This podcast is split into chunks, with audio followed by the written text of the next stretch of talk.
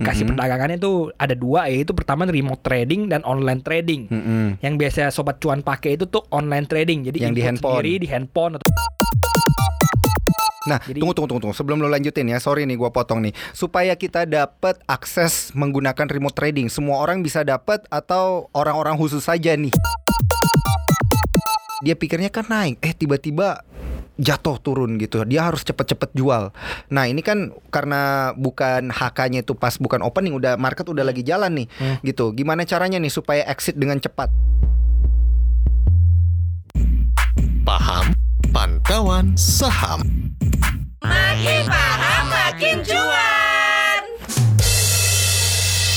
Halo Sobat Cuan, balik lagi di segmen yang Anda tunggu-tunggu setiap awal pekan ya Segmen Paham, Pantauan Saham Semakin paham semakin cuan. Nah, seperti biasa, suara tadi adalah suara tim riset CNBC Indonesia. Triputra masih sama ya, cuman gua aja yang diganti-ganti minggu lalu. eh, ada rekan lain yang mengganti, ada Gibran. Minggu ini balik lagi ke gue, gitu bro. Lu udah kangen gue kan? Nggak bosen liat muka lu. Wah parah lo. Kalau gitu gua ngomong sendiri aja nih kayak gini. Monolog, berantem monolog. nih, berantem nih kita nih. Oke, bro, kita ini bahas pergerakan IHSG dulu nih ya di sepanjang hari ini di awal pekan ini ternyata IHSG kita harus melemah nih 0,53 persen ya. Setelah di minggu lalu IHSG kita itu sepanjang minggu kemarin bahkan sempat menguat di kisaran lebih dari satu persen gitu ya. Sayangnya hari ini harus melemah dulu, harus profit taking dulu ya dan nilai transaksi juga ada di 11,17 triliun rupiah. Nah kita itu geraknya agak berbeda ya bro ya. Ini dengan beberapa bursa utama di kawasan Asia karena Nikkei, Hang Seng dan juga Straits Times ini semuanya ada di zona hijau. Shanghai ada di zona merah melemah 0,96. Kita juga melemah ya. LQ45 kita bahkan melemah lebih dalam 0,81 persen. Nah bro, gimana nih kalau lu ngelihat IHSG kita hari ini karena terpantau net sell lagi nih 130 miliar rupiah. Lanjut nggak nih sepanjang pekan ini bakal net sell nih? Ya sebenarnya ini IHSG masih terkonsolidasi di era 63 ya 63 atas sedikit sama 63 di bawah 62 50 ke atas seperti itu. Jadi ya sebenarnya tuh masih sideways sideways aja di, di minggu lalu juga Mhm. geraknya sekitar 62 63 62 63 nggak mampu jebol 64 seperti itu. Jadi ya Mhm. untuk pekan ini juga sebelum sepertinya masih belum ada banyak perubahan ya dan kita tahu nih pekan ini rilis-rilis datanya juga ya tadi pagi tadi siang tadi pagi kita tahu kan ada rilis neraca dagang ya nggak Mhm. positif positif amat walaupun kita Mhm. tahu neraca dagang surplus 2 miliar loh itu iya, bro. surplusnya gara-gara apa gara-gara impornya yang Hmm. bermasalah dan impor kita kita tahu nih impor Mhm. barang-barang mentah Bagus dong, berarti kan produksi. udah mulai ada Ya, artinya ada recovery masalah ekonomi. kan Udah Ada- naik kan? Ya artinya ada masalah kita Ah, Masalah produksi Ah, Kenapa? ah. Karena impor kita masih bermasalah eh, Dan impornya itu barang-barang mentah ya Berarti masih ada Hmm. masalah produksi gitu Pabrik-pabrik Hmm. masih belum bisa beroperasi full se- Seperti sebelum terjadi pandemi Seperti itu Jadi alasannya Neraca dagangnya positif Sebenarnya alasan alasannya kurang bagus gitu Hmm, bagus ya walaupun dia positif berarti ini sinyal bank kita nggak bakal naikin suku bunga dong ya? ya per, per- apa dari bank sentral pasti nggak mau masih opsinya untuk menaikkan suku bunga ya sebenarnya Mm. masih nggak ada nggak ada opsi itu hanya Mm-mm. ada stay atau dipotong seperti itu karena kita tahu ekonomi masih kontraksi jadi Mm-mm. naikin suku bunga itu bukan opsi gitu Hmm.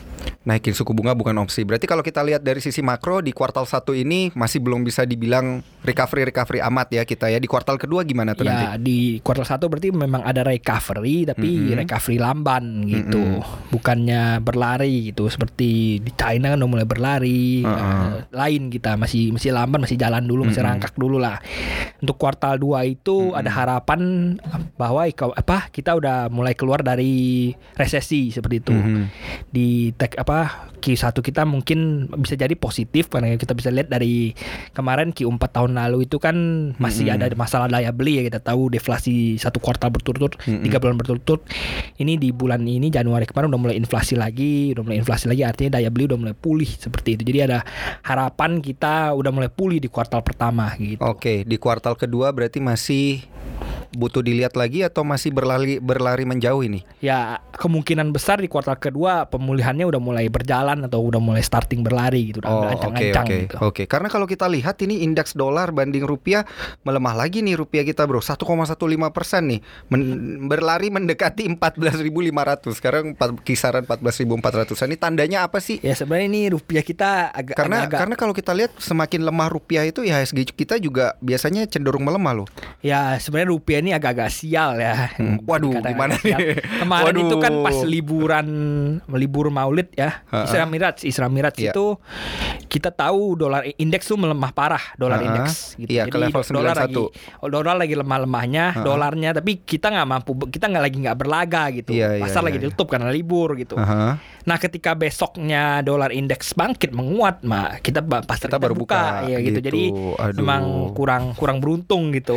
Jadi Ah. akhirnya di hari kedua itu ketika dolar lagi kuat-kuatnya memang kita menguat tapi cuma dikit doang gitu. Oke, dan sekarang kita ketiban lagi nih merahnya gitu ya. Rupiah Iya. kita merah, IHSG kita merah, terus eh, obligasi kita yang 10 tahun juga terpantau melemah ini dilepas terus karena yieldnya juga terpantau naik melulu nih. Nah, kalau kita lihat beberapa emiten-emiten bro ini penggerak pasar, net foreign buy kita ada di Adaro ya kalau dari sisi net foreign buy, tapi yang paling gainers hari ini adalah ya dari second liner dan third liner ini ya. Ada ESA, eh, Zebra, NATO, Same, Raja, DMMX. Ini pendapat lu seperti apa? Karena kan sepertinya lu ahli nih di bidang second liner dan third liner nih. Ini saham-saham second liner nih yang menarik itu Zebra ini kan baru diakuisisi ya sama Mm-mm. abangnya Heri Tanu ya. ya. Mm-mm.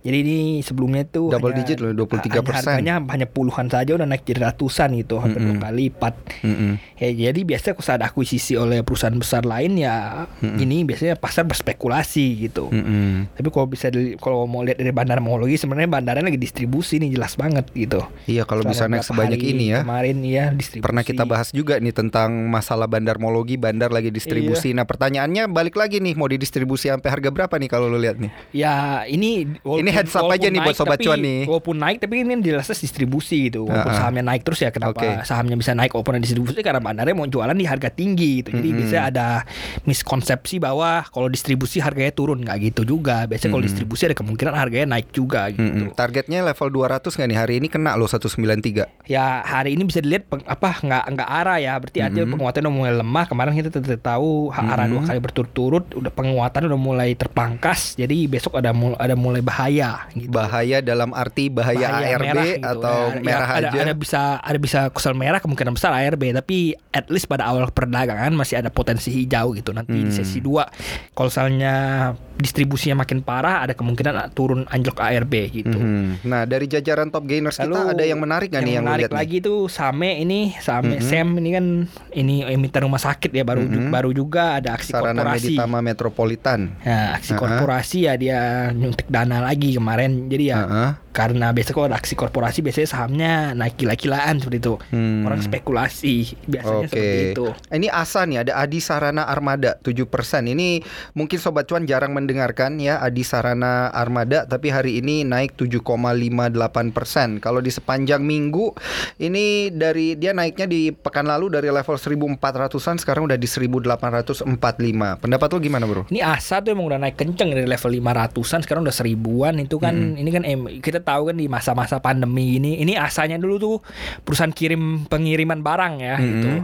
Jadi ketika ini masa-masa pandemi ini orang banyak belanja online belanja online ya Hmm. jasanya makin banyak makin rame pastinya gitu. Mm-mm. Selain asa itu yang naik kenceng juga Te- Tefas itu Tefas itu juga jasa pengiriman barang yang udah naik kenceng selama Hmm. tahun pandemi ini gitu.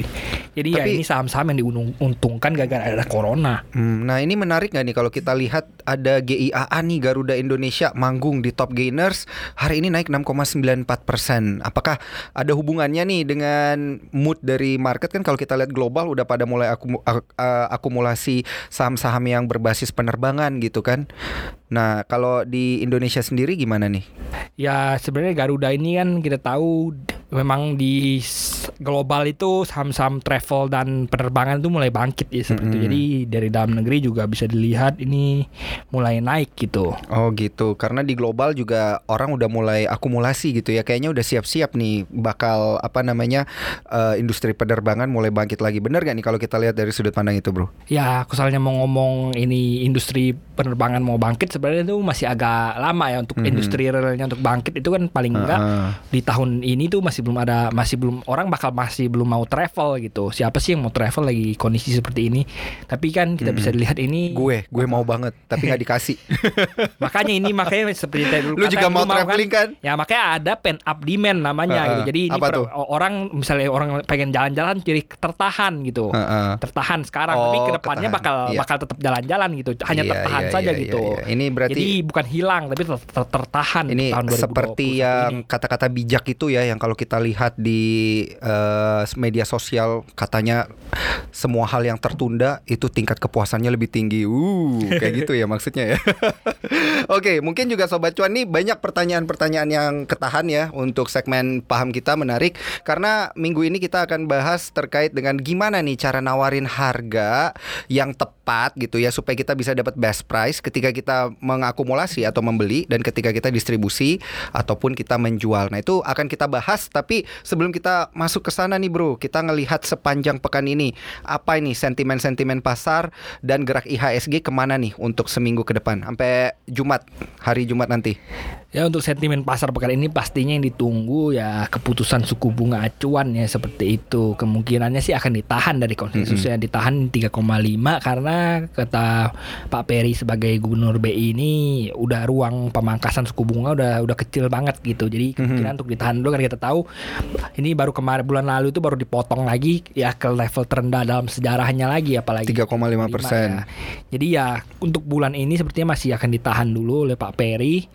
Jadi amunisinya nggak dihabisin dulu, ditembak-tembakin terus udah mau habis sekarang Hmm. ditahan dulu seperti itu untuk ruang misalnya ada ada terjadi sesuatu untuk ke depan ke depan ingin menggenjot lagi ekonomi ya bisa dipotong lagi kalau misalnya hari bulan ini tahan gitu. Jadi secara konsensus emang akan ditahan dulu. Oke.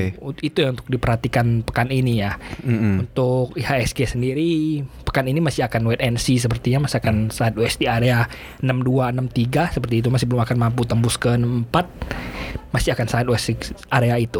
62 dan 63 aja belum bisa tembus 64. Nah ini kalau terus-terusan kita nggak bisa tembus 64 ada kemungkinan nggak sih kita turun ke 61 gitu? Karena pasarnya udah jenuh banget sideways terus.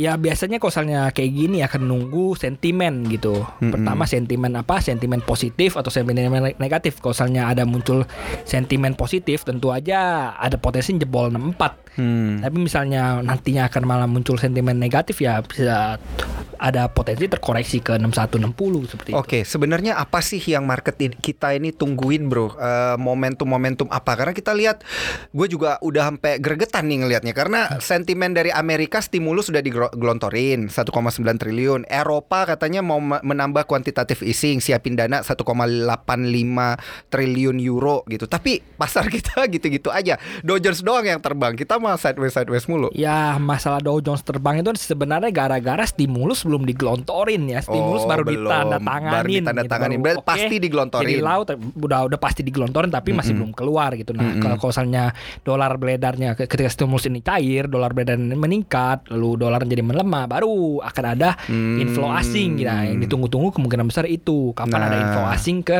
emerging market buat sobat cuan yang iya. sama-sama gregetan kayak gue ini berarti kita masih menunggu masa transisi gitu ya bro ya. Masih menunggu masa apa nih namanya eh, efek-efeknya gitu kita ngelihat dari market eh, luar negeri market global ke transisinya nanti ke domestik kita seperti apa gitu ya bro. Lu juga nunggu kan?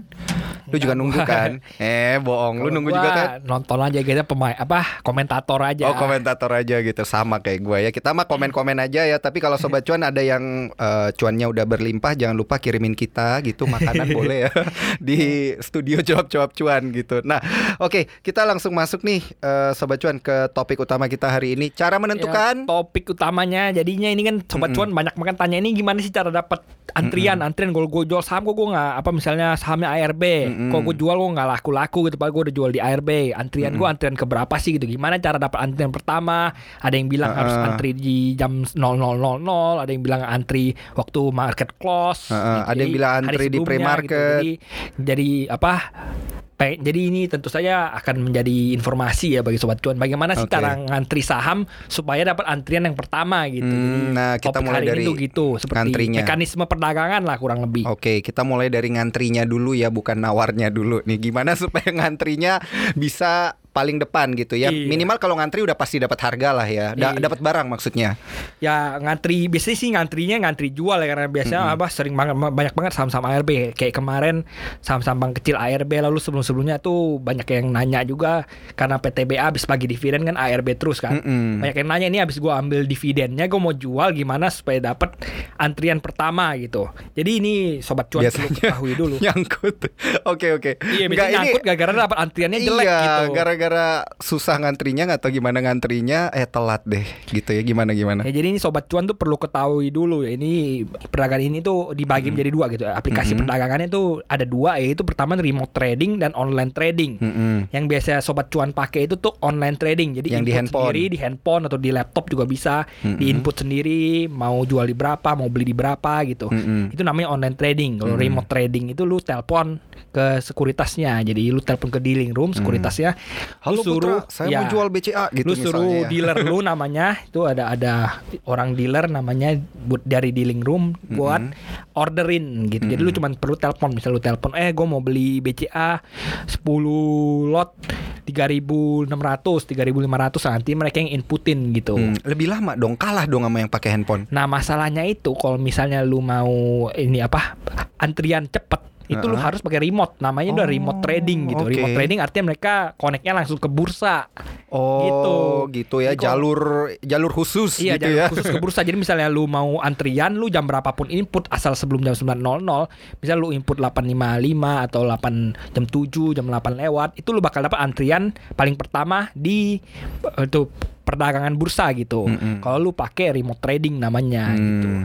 Nah, Jadi- tunggu tunggu tunggu tunggu. Sebelum lo lanjutin ya, sorry nih gua potong nih. Supaya kita dapat akses menggunakan remote trading, semua orang bisa dapat atau orang-orang khusus saja nih yang bisa dapat? Sebenarnya semua orang bisa dapat gitu. Mm-mm. Jadi lu tinggal lu, lu biasanya kalau lu mau buka account di sekuritas ada ditawarin dua biasanya. Untuk Hah? sekuritas-sekuritas gede ya seperti Mandiri, Mirae, Mm-mm. dan sekuritas lain sekuritas-sekuritas besar lu ditawarin dua. Satu regular account, satu online account. Mm-mm. Jadi kalau regular account lu bakal dapat dealer lu sendiri gitu. Oke. Kalau misalnya lu online account ya main sendiri di HP Mm-mm. gitu. Nah, kalau Mm-mm. misalnya lu regular account itu biasanya sih emang fee-nya lebih mahal gitu. Misalnya Oke. lu regular account 0,15 0,25 kalau misalnya lu yang regular bisa 0,3 0,4 0,2 Oh, 0,3 gara-gara mendapatkan akses itu. Gara-gara dapat akses itu. Jadi lu bisa dapat antrian lebih cepat, bisa dapat Heeh. dealer sendiri gitu. Kayak di Dufan ya bro ya Kalau kita mau dapat antrian khusus gitu ya Iya, Bayarnya bayar emang harus lebih, lebih iya. Gitu ya kurang lebih Oke Terus apalagi nih best part dari eh, remote account itu Jadi remote account ini eh, walaupun ya tadi keuntungan kedua gue udah sebutin ya salah satunya lu harus bayar fee lebih gede, terus ada minimalnya biasa minimal placement berapa ratus juta Mm-mm. dan transaksi minimalnya juga misalnya lu sekali telepon harus harus transaksi lu 20 juta atau 10 juta gitu dalam sekali telepon. Kalau di bawah itu fee-nya lebih gitu. Ah. Biasanya kayak gitu. Waduh udah nggak mungkin gua nih kayaknya bro Lu kali ya Lu ya Lu yang pakai remote trading ya cuman goceng-goceng doang gitu. Beli saham 50 ribu 50 ribu lima puluh ribu lot gitu. lima puluh ribu rupiah Oh rupiah. Oke oke bro. Nggak apa-apa ya. Namanya juga investor. Terus terus mulai dari yang kecil ya. Oke. Ya jadi kalau misalnya ini sobat cuan ingin dapat ya emang terpaksa pakai remote trading. Misalnya lu Mm-mm. milih nyangkut di saham ini lu mau dapat antrian pertama. Itu biasanya kalau pakai remote trading tuh antrian lu 90000. Mm-mm. Jadi antrian paling pertama. Jadi kalau misalnya udah sama-sama sama-sama pakai remote trading biasanya lebih random. Mhm. Gitu. Jadi bursa naruhnya random. Misalnya lu na- apa dua-duanya pakai remote trading, Iya. dua-duanya 90000 biasanya ra- random ditaruh sama bursa gitu. Oke. Nah, kalau misalnya lu pakai online trading itu lu delay bisa sampai 20 30 detik. Waduh. Jadi Udah jangan kalah berapa bisa, antrian? Tuh? kalah banyak kalah kalah banyak antrian apa telat Heeh. banget gitu. Ibarat lu nembak cewek tuh, wah kalah lu kalah cepet lu bro, banyak yang antri lebih dulu Kesalip gitu dulu ya remote Iya, trading, kesalip dulu iya. gitu ya. Oke oke, tapi nggak apa-apa. nah Gimana ini gimana bro? gua gua kasih contoh misalnya lu pakai sekuritas apa A B C, lu Heeh. antrinya dari jam misalnya lu antrinya dari kemarin Heeh. itu bakal delay lebih panjang Oke. gitu. Misal, misal lu 20 antrinya 30 detik paginya tadi ya. atau kemarinnya atau malamnya itu lu bisa bakal delay 20 detik lebih. gitu Mm-mm. 20 30 detik. Nah, kalau misal lu sobat-sobat cuan ini pakai online trading, gue kasih tips Mm-mm. supaya antrian lu nggak delay sampai 20 detik. Waduh gimana gimana bro? Tipsnya itu Rajin-rajin berdoa. Oh, Rajin. bukan. Tipsnya itu lu nunggu market Oke. gitu. Jadi misalnya lu udah nunggu 859 59 90000 lu enter manual. Oke. Gitu. Jadi lu di, enter di manual. pas di 85959. Pas di 90000 lu enter secara manual aja. Oke. Kalau misalnya lu Uh-uh. pengen antrian oh antrian paling cepet lah gitu, paling Uh-uh. possible paling Uh-uh. cepet daripada lu telat 20 detik lu pakai cara itu. Oke. Gitu. Nah, kalau misalnya lu pakai cara itu lu cuma telat sekitar 7 8 detik gitu. Oh, karena antriannya langsung masuk tuh Iya. pas di jam 9 itu Ya, kan. jadi lu, lu langsung 90000 langsung pencet gitu. Lu memang masih kalah sama sama remote trading Remote karena trading, remote iya. trading 90000. Heeh. Tapi at least lu jadi 90008 atau Iya, 90005 tergantung sekuritas lu gitu. Jadi ini ada apa ba- banyak-banyak sekuritas dan sekuritas-sekuritas ini pagi-pagi tuh biasanya suka nge-lag gitu. Jadi misalnya Mm-mm. lu order pagi-pagi Nah, biasanya bener tuh, bener banget tuh. Ya biasanya masuknya akan lebih telat gitu gitu. Heeh. Jadi sebenarnya opsinya lu pertama kalau lu pengen paling cepet pengen, pengen paling cepet ya pakai remote trading karena Heeh. itu 90000. Lalu misalnya lu enter manual itu bakal sekitar 90005 5 sampai 10 detik lah delay lu tergantung sekuritasnya gitu. Oke. Biasanya sekuritas yang ramai kayak IEP, Mirai Aset itu lu delaynya akan bakal cukup lama. Bakal Heeh. 10 detik atau 12 detik gitu. Ini kan soalnya tujuannya untuk cepet-cepetan dapat Iya, posisi iya, gitu dapat kan. Posisi.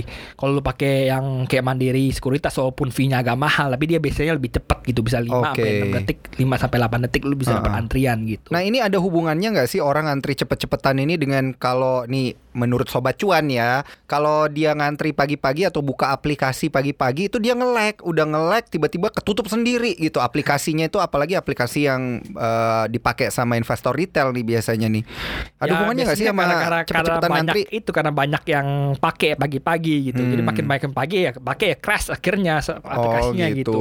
Ya A- makanya apa ada hubungannya dengan sekuritas mana yang tahan crash gitu Ya, ketika biasanya- banyak yang ngantri ya sebenarnya seperti yang gue bilang ketika lu pakai aplikasi sekuritas IEP yang memang paling Ha-ha. banyak digunakan oleh retail ya bakal apa bakal lebih lambat daripada lu pakai mandiri gitu biasanya kalau da- yang dari pemantauan gue selama ini ya paling sekuritas-sekuritas retail yang entry-nya paling cepat pagi hari itu ya mandiri sekuritas gitu Hmm. walaupun memang masih kalah sama remote trading gitu Hmm, pokoknya Tapi tetap ya- lah ya remote trading yang Ya, paling cepet ya, gitu tapi ya Ha-ha. lu kan dari yang terburuk lu pilih yang terbaik gitu kan Iya iya iya iya iya benar benar benar. Nah, terus kalau eh, untuk menentukan best price-nya sendiri seperti apa nih? Atau mungkin kita mulai dari gimana caranya masuk ke harga-harga khusus gitu atau cara HK gitu supaya dapat barang pagi-pagi.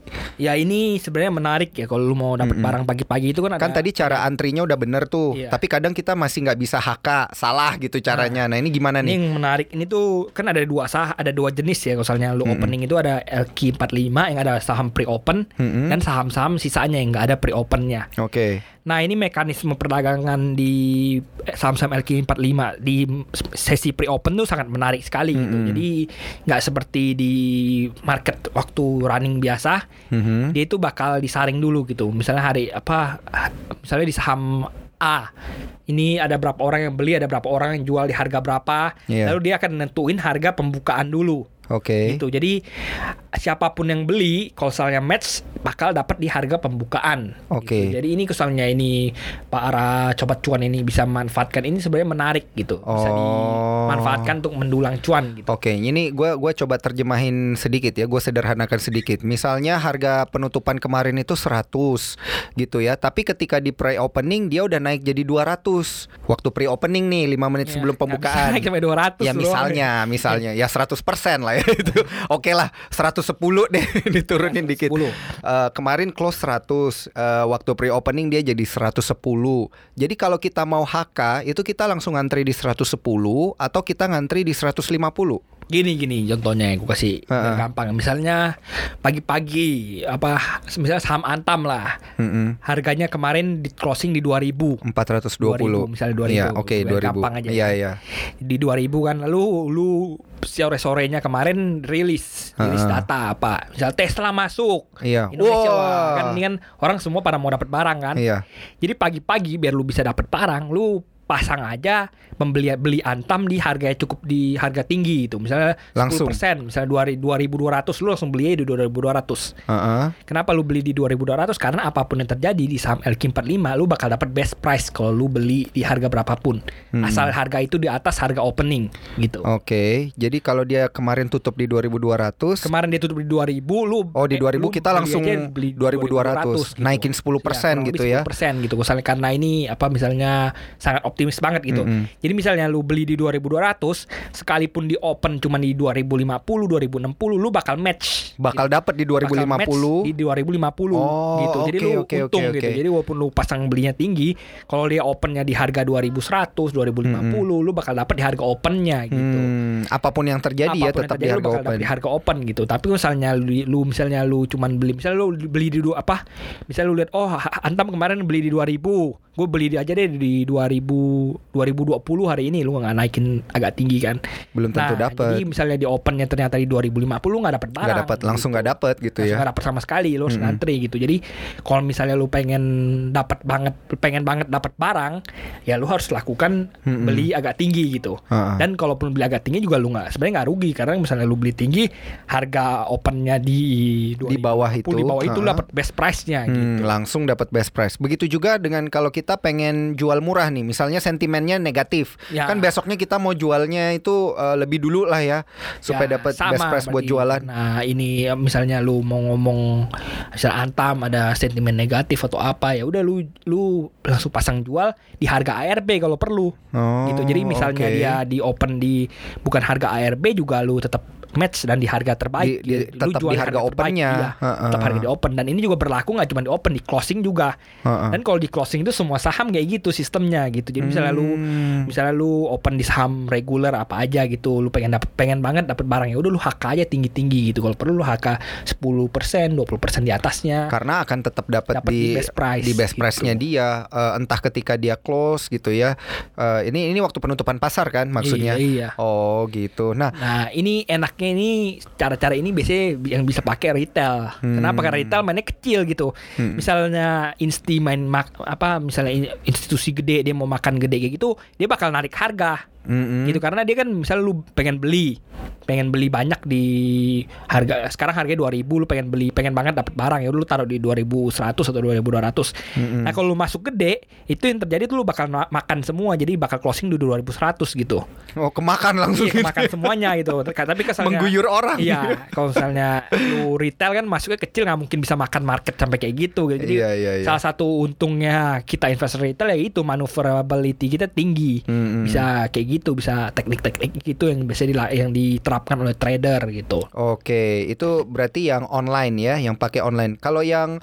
online ini kan berarti kalau selain dari handphone, ini sama aja dengan menggunakan laptop kan eh, untuk input eh, jualannya gitu ya. Strateginya pun sama, kecepatannya pun sama antara yang handphone sama yang laptop atau beda. Ya sebenarnya sama aja, tergantung sebenarnya misalnya online trading lebih tergantung ke sekuritasnya pertama. Mhm. Sekuritasnya sering lag atau enggak. Lalu kedua ya tergantung koneksi internet lu gitu. Tapi Mhm. biasanya yang lebih pengaruh ya sekuritasnya. Kalau sekuritas-sekuritas yang kurang yang ser- sering lamban gitu yang Mhm. terkenal lamban, nggak usah disebut lah ya namanya. Itulah ya. Tit. Itulah gitu yang sekuritas-sekuritas baru gitu. Tit. Oke, oke. Oke, Bro. dipakai retail itu yang baru itu tuh. Ya itulah ya pokoknya ya pasti Sobat Cuan juga tahu Tapi jangan berkecil hati dulu Karena strategi yang diinformasikan oleh Bro Putra ini Bisa apply ya ke sekuritas mana pun itu Entah yang dibilang eh, paling lambat lah Atau ya sekalipun yang paling cepat Itu strateginya sama aja. Nanti dicoba aja buat eh, Sobat Cuan. Nah kalau kita ngelihat dari sisi yang berbeda nih bro Mau menentukan harga gitu mau menentukan eh, entry level yang bagus gitu untuk satu saham itu gimana tuh caranya? Jadi kalau mau ngomong entry level sebenarnya ya masing-masing ya. Kalau lu, lu Ah, ah. pengennya apa gitu, lu pengen investasi, lu pengen trading, lu pengen scalping, day trade, scalping atau apa ya? Ya Supaya entry level supaya dapat best price gitu gimana tuh caranya? Ya seperti tadi gue katakan misalnya lu pengen dapat best price secara harian atau di harga open ya lu beli aja di atas gitu. Kalau lu beli di atas lu bakal dapat best price di harga opennya gitu. Best price-nya di harga open. Ketika di harga penutupan lu pengen beli dapat best price ya sama lu antri aja di atas. Lu bakal dapat best price di harga closing seperti Mm-mm. itu. Nah, jadi bisa nggak sih kalau kita itu kecelek gitu kan ada sobat cuan asal HK kan dapat dia harga opening, Hah? tapi karena dia pikirnya kan naik, eh tiba-tiba jatuh turun gitu. Dia harus cepet-cepet jual.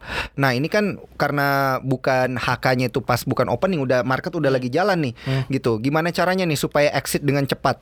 Ya Kayak gitu juga, langsung langsung cepat, buang di bawah gitu. Misalnya market lagi turun-turun-turun lu bisa juga buang di bawah gitu. Langsung. Misalnya Sama ya, contohnya strateginya sama strategi nih. sebenarnya kurang lebih aja misalnya Heeh. harganya sekarang 2000. Heeh. Lu pencet jual di 2000, ketika lu pencet tuh harganya udah turun ke 1980 biasanya kayak gitu yang terjadi. Hmm. Gitu. Jadi jadi biasanya harga lagi turun-turun-turun lu ketika lu pencet, lu udah input, lu udah udah harus ngantri jual namanya udah bukan Heeh. jual lagi. Jadi biasanya kalau orang mau haki hajar kiri mau buang langsung, lu buangnya agak gede apa agak di bawah banget gitu. Hmm. Dan sama juga lu buangnya juga di best price gitu. Hmm-hmm. Jadi misalnya harga sekarang masih 1990, lu pasang jual di 1950. Ketika lu pencet harganya ag- agak turun misalnya ke 1980. Hmm. Kalau lu jual di 1990 ya sebenarnya lu nggak dapat balang harus nggak bisa dapat jualan harus antri. Tapi kalau selalu pencet di 1950 lu dan di 1980 gitu. Hmm, gitu. Inilah cara ngantri yang baik dan benar ya.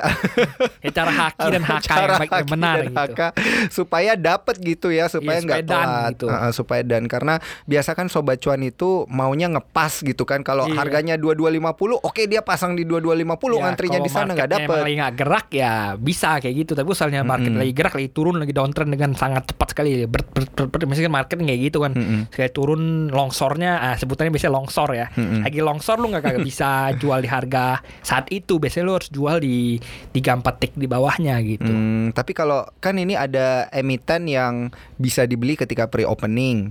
Nah, kalau emiten-emiten yang nggak bisa diantriin ketika pre-opening kan ada tuh ini gimana strateginya ya sama nggak? biasanya sebenarnya kalau misalnya ini apa yang nggak bisa pre-open tuh biasanya rebutan waktu 9.0000 gitu Rebutan. Jadi 9.0000 open tiba-tiba ya biasanya seperti biasa yang bakal dapat duluan itu yang pakai remote trading yang remote. gitu. heeh. Yang yang bisa order duluan gitu. Jadi yang yang bakal didanin dulu yang remote remote trading bakal didanin lalu baru yang pakai online trading gitu. Jadi biasanya 910 920 baru lu kuasanya lu lihat di Mhm.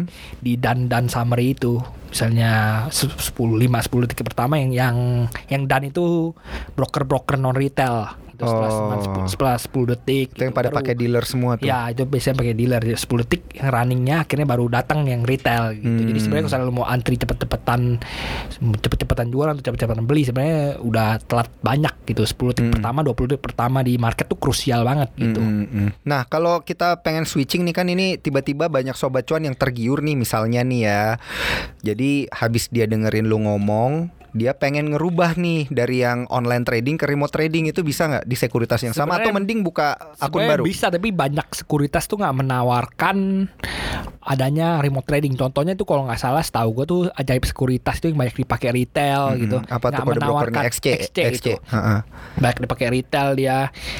Ya dia nggak nawarin gitu, nggak nawarin remote trading. Karena gitu. memang strategi mereka Ya, online. karena memang strategi Heeh. mereka online gitu dan memang online-nya juga nggak bagus-bagus amat ya menurut gua.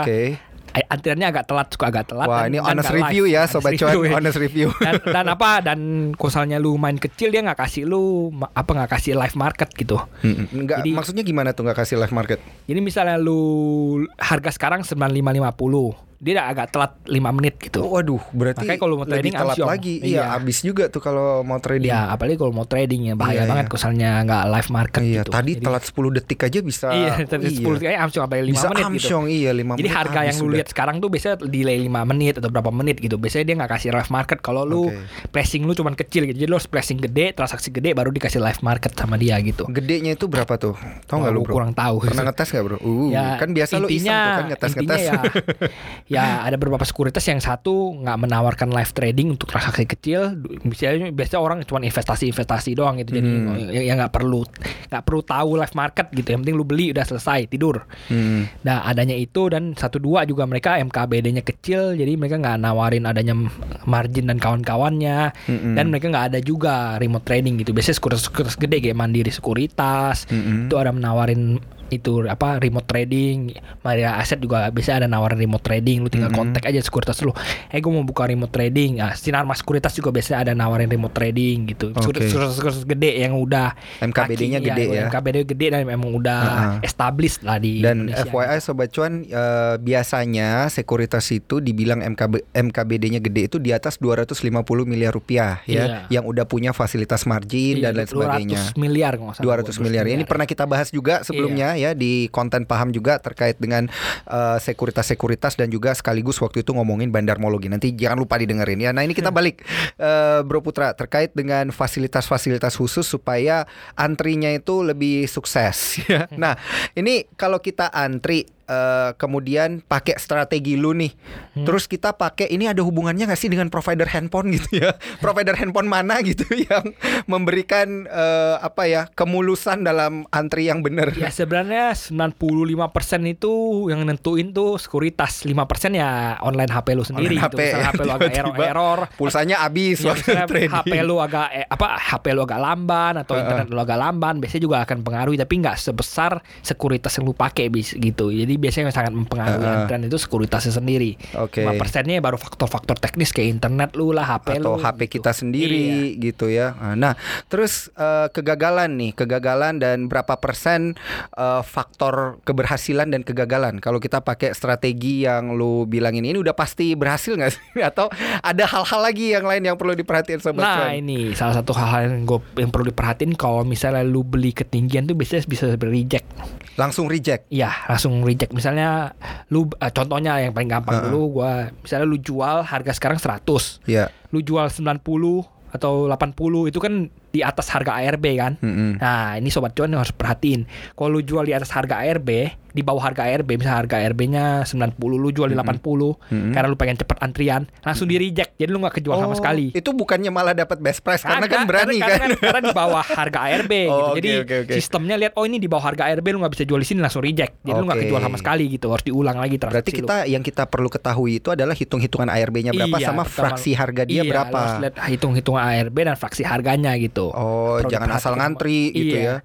Nah, dan yang kedua sebaliknya juga misalnya lu belinya di atas harga ARA langsung reject juga. Oke. gitu dan kalau misalnya ARA itu lebih ekstrim lagi misalnya sekarang harganya 0% Heeh. kan lu beli 15% misalnya di atas 15% di atas harga sekarang itu bisa reject juga padahal nggak arah Oh. gitu jadi oke. mungkin apa bursanya bisa menganggap oh ini belinya ketinggian nih harganya belum segitu di reject sama dia gitu Hmm. jadi kalau misalnya lu pengen HK lu pengen naruh agak tinggi harus hati-hati Hmm. juga apakah kena reject atau enggak gitu Mm-mm. jadi misalnya lu beli ketinggian walaupun dia kagak arah bisa reject. Ada Hmm. banyak banyak kejadian kayak gitu. Lu beli harga tinggi gitu, lu beli harga tinggi karena pengen banget dapat barang. Tapi reject juga kenapa? Karena Hmm. banget ya. ketinggian gitu. Kepepet padahal pengen lu nggak dapet taruh barang. di arah, padahal lu nggak taruh di arah gitu. Oke, terlalu HK itu Iya, namanya, terlalu Bro. HK biasanya. nah, Oke, ini. biasanya 5 sampai 10% di atas harga opening atau di atas harga saat ini udah Oke, udah oke. sweet spot lah gitu. Oke oke. Nah eh, ngomong-ngomong tentang terlalu HK nih bro, kan itu tadi level dari sisi level. Ini misalnya dia sultan banget nih bro. Pengen HK oh, volumenya banyak. Misalnya dia banyak, dia naikin lah 15% gitu dari harga opening kan. Dia naikin 15% tapi dia masukin volumenya gede banget gitu. Itu udah pasti dia bakal mengguyur pasar atau seperti apa tuh? Ya, kalau di HK berarti bukan guyur, ditarik Nah, dong pasarnya. ditarik berarti langsung naik ke Iya, level yang naik, dia taruh iya, gitu langsung ya. Narik dia langsung ke level yang dia taruh. Ya, yang terjadi kayak gitu kalau dana lu gede ya berarti lu narik pasar kayak gitu. Hmm. Kalau misalnya dana lu kecil lu bakal match di harga terbaik. Tapi kalau dana lu gede, ya udah yang terjadi ya lu narik, narik market gitu. mengguyur pasar ya. Oh, narik, narik, Kalau ya, lu narik, jual narik. kebalikannya lu baru Oh guyur iya gitu. iya iya iya iya, oke. Berarti narik ke harga Harga itu gitu. Nggak sengaja Nah, ya. biasanya yang kerjaannya kerjaannya bandar kayak gini mereka buy di harga yang agak tinggi. Jadi langsung bisa narik market. Iya gitu. Oh oke. Nah kalau eh, yang kejadian di pasar, ketika pasar mau close, misalnya kita ini sering kejadian banget nih. Gue sering lihat nih di saham BBCA dulu kan, pas mau close gitu ya, satu dua menit, eh, detik-detik terakhir tiba-tiba sahamnya langsung dang naik. Nah itu gimana tuh? Nah ini gua bakal jelasin ke sobat cuan juga ya. Ini market ini tuh ketika lu lap- 15 apa dua, jam 2.50 itu bakal close. Mm-mm. Jadi apa perdagangan bakal dihentikan sementara 10 menit Mm-mm. untuk terjadinya pre-closing, penentuan harga pre-closing gitu. Oke, gimana Jadi misalnya pagi-pagi itu kan sebenarnya dibuka 855 ya. Ya. Sebelum 855 itu 845 itu ada penentuan harga pre-open Mm-mm. gitu. Jadi di penentuan harga ini orang bakal beli dan orang bakal jual gitu. Tapi itu bukan di online trading, bukan? Itu semuanya semuanya itu di, di market di market Ada apa oh lu bisa input beli lu bisa input jual tapi lu nggak bakal done dulu. Hmm. Bursa bakal ngumpulin harganya dulu. Oke, oke, dan oke. setelah bursa kumpul harga, bursa akan nentuin harga beli dan harga jualnya gitu. Mhm. Jadi misalnya lu saat ini ada apa saat ini harga apa saham A misalnya Mhm. di harga 200. Lalu ini udah masuk ke sesi pre-closing kan, Mhm. penentuan harga pre-closing. Ya udah sesi apa sahamnya diam dulu. Mhm. Dan orang-orang pada mulai input, oh saya mau beli di harga 190. Mhm. Saya mau beli harga 200, saya mau beli harga 220. Lalu ada orang juga mau jual di 1200, di Mm-mm. 220. Dikumpulin lama bursa. Nah, dikumpulin sama bursa, lalu dilihat mana yang paling banyak di harga mana yang paling banyak lu jual dan lu beli gitu. Hmm. Jadi Ditentukanlah ketika nanti ditentukan- pre-openingnya harganya segitu ya nanti gitu baru ya. ditentukan pre-opening dan pre-closing atau atau pre-closingnya di harga segitu gitu. Jadi Hmm. mekanismenya sama di pre-open dan di pre-closing. Cuman kalau di pre-open cuma bisa saham LQ45. Kalau di Mm-mm. pre-closing semua saham mekanismenya kayak gitu. Jadi ketika 250 lu nggak bakal beli langsung nggak bakal done gitu. Mhm. Contohnya misalnya misalnya di regular market harga saham sekarang 2000, 2000-nya di offer. Kalau lu beli langsung ดัน done gitu kan. Oh, oke. Misalnya di pre, pre, pre closing 250, lu lihat ada orang offer lu 50 lot di harga 200. Nah, lu beli di harga 200 juga kagak bakal Nggak done. bakal ya. Bakal tunggu jam 3 dulu, jam 3 tank baru bursa mempertemukan jual dan beli, baru ketemu harga pre-opennya atau maka pre-closingnya. maka dari itu biasa kita lihat kayak gitu ya jam 3 tiba-tiba ada saham yang dang naik iya, tinggi karena itu kenapa? Karena dang ketika- turun tinggi eh ketika- turun iya, dalam turun ketika jam 2.50 sampai jam 3 itu Ha-ha. ada orang apa ada orang bandar lah atau misalnya orang punya banyak barang ngeguyur market ke bawah gitu atau Mhm. beli makan ke atas gitu. Jadi ketika 3.00 eh, Mhm. apa bursa mempertemukan beli jual oh dilihat oh ini ada orang beli beli siap beli di harga tinggi ya harganya dinaikin harga closing dinaikin gitu Hmm, oke oke oke oke. Menarik ya ini strateginya jarang-jarang didapetin di mana-mana cuman dari Bro Putra nih yang kasih rahasianya. Bro. Ya makanya kalau lu biasanya pengen beli pagi BPJS ya, beli pagi Mm-mm. jual sore. Oke. Ya itu lu beli paginya pakai strategi ini gitu atau lu bisa lu beli sore jual pagi besoknya gitu. Itu dengan syarat Kayaknya lu nggak nggak nyangkut, sore. Bro. Kalau lu nyangkut, lu nyangkut kan rugi, Bro, jadinya kan. Ya kosalnya nyangkut sekarang kan cuma bisa kosal lu ARB kan baru nyangkut kan gitu. Jadi misalnya lu beli saham-saham LQ45 kemungkinan kecil lah lu ARB gitu. Oh, Ya, Kalau lu gitu. beli beli pagi, Uh-uh. ya sore lu bisa jual beli pagi dengan cara metode tadi supaya Uh-uh. dapat best price. Lu jual di sore juga dengan metode tadi biar dapat best price. Kalau nyangkut nggak jual sore, Bro, jual besoknya jadi. Oke, Bro. Eh, ini eh, dua menit terakhir kasih masukan dong, kasih rekomendasi dong nih buat sobat-sobat cuan. Saham mana yang bagus buat diantriin nih di sepanjang minggu ini? Sebenarnya kalau selalu mau lihat tuh banyak banget saham yang suka naik gelo waktu close ya. Yo, yang mana tuh?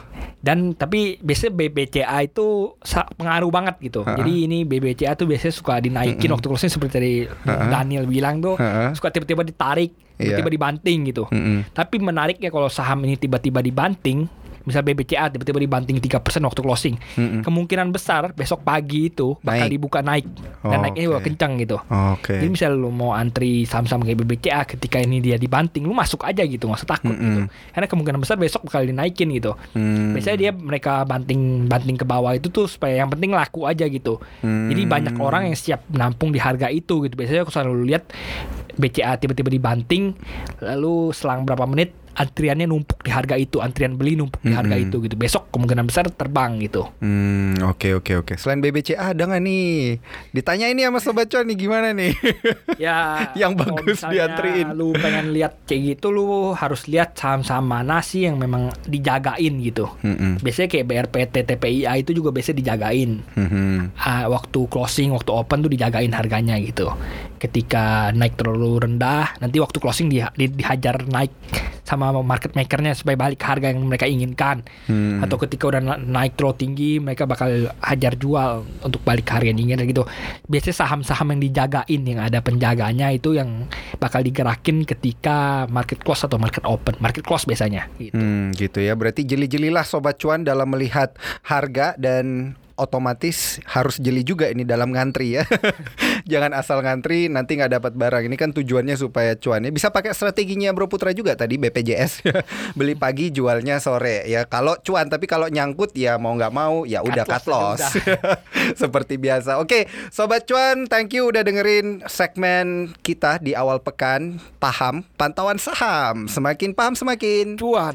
Nah, bareng gue dan juga Bro Putra. Jangan lupa dengerin lewat Spotify ya podcast kita di Cuap-Cuap Cuan, di Apple Podcast dan juga di Google Podcast. Jangan lupa untuk follow Instagram kita di cuap underscore cuan ya dan dengerin uh, podcast-podcast paham tentunya di hari Senin. Gue Daniel Luguna dan Gue Triputra dari tim riset CNBC Indonesia. pamit. Sampai jumpa minggu depan di Bye. Paham.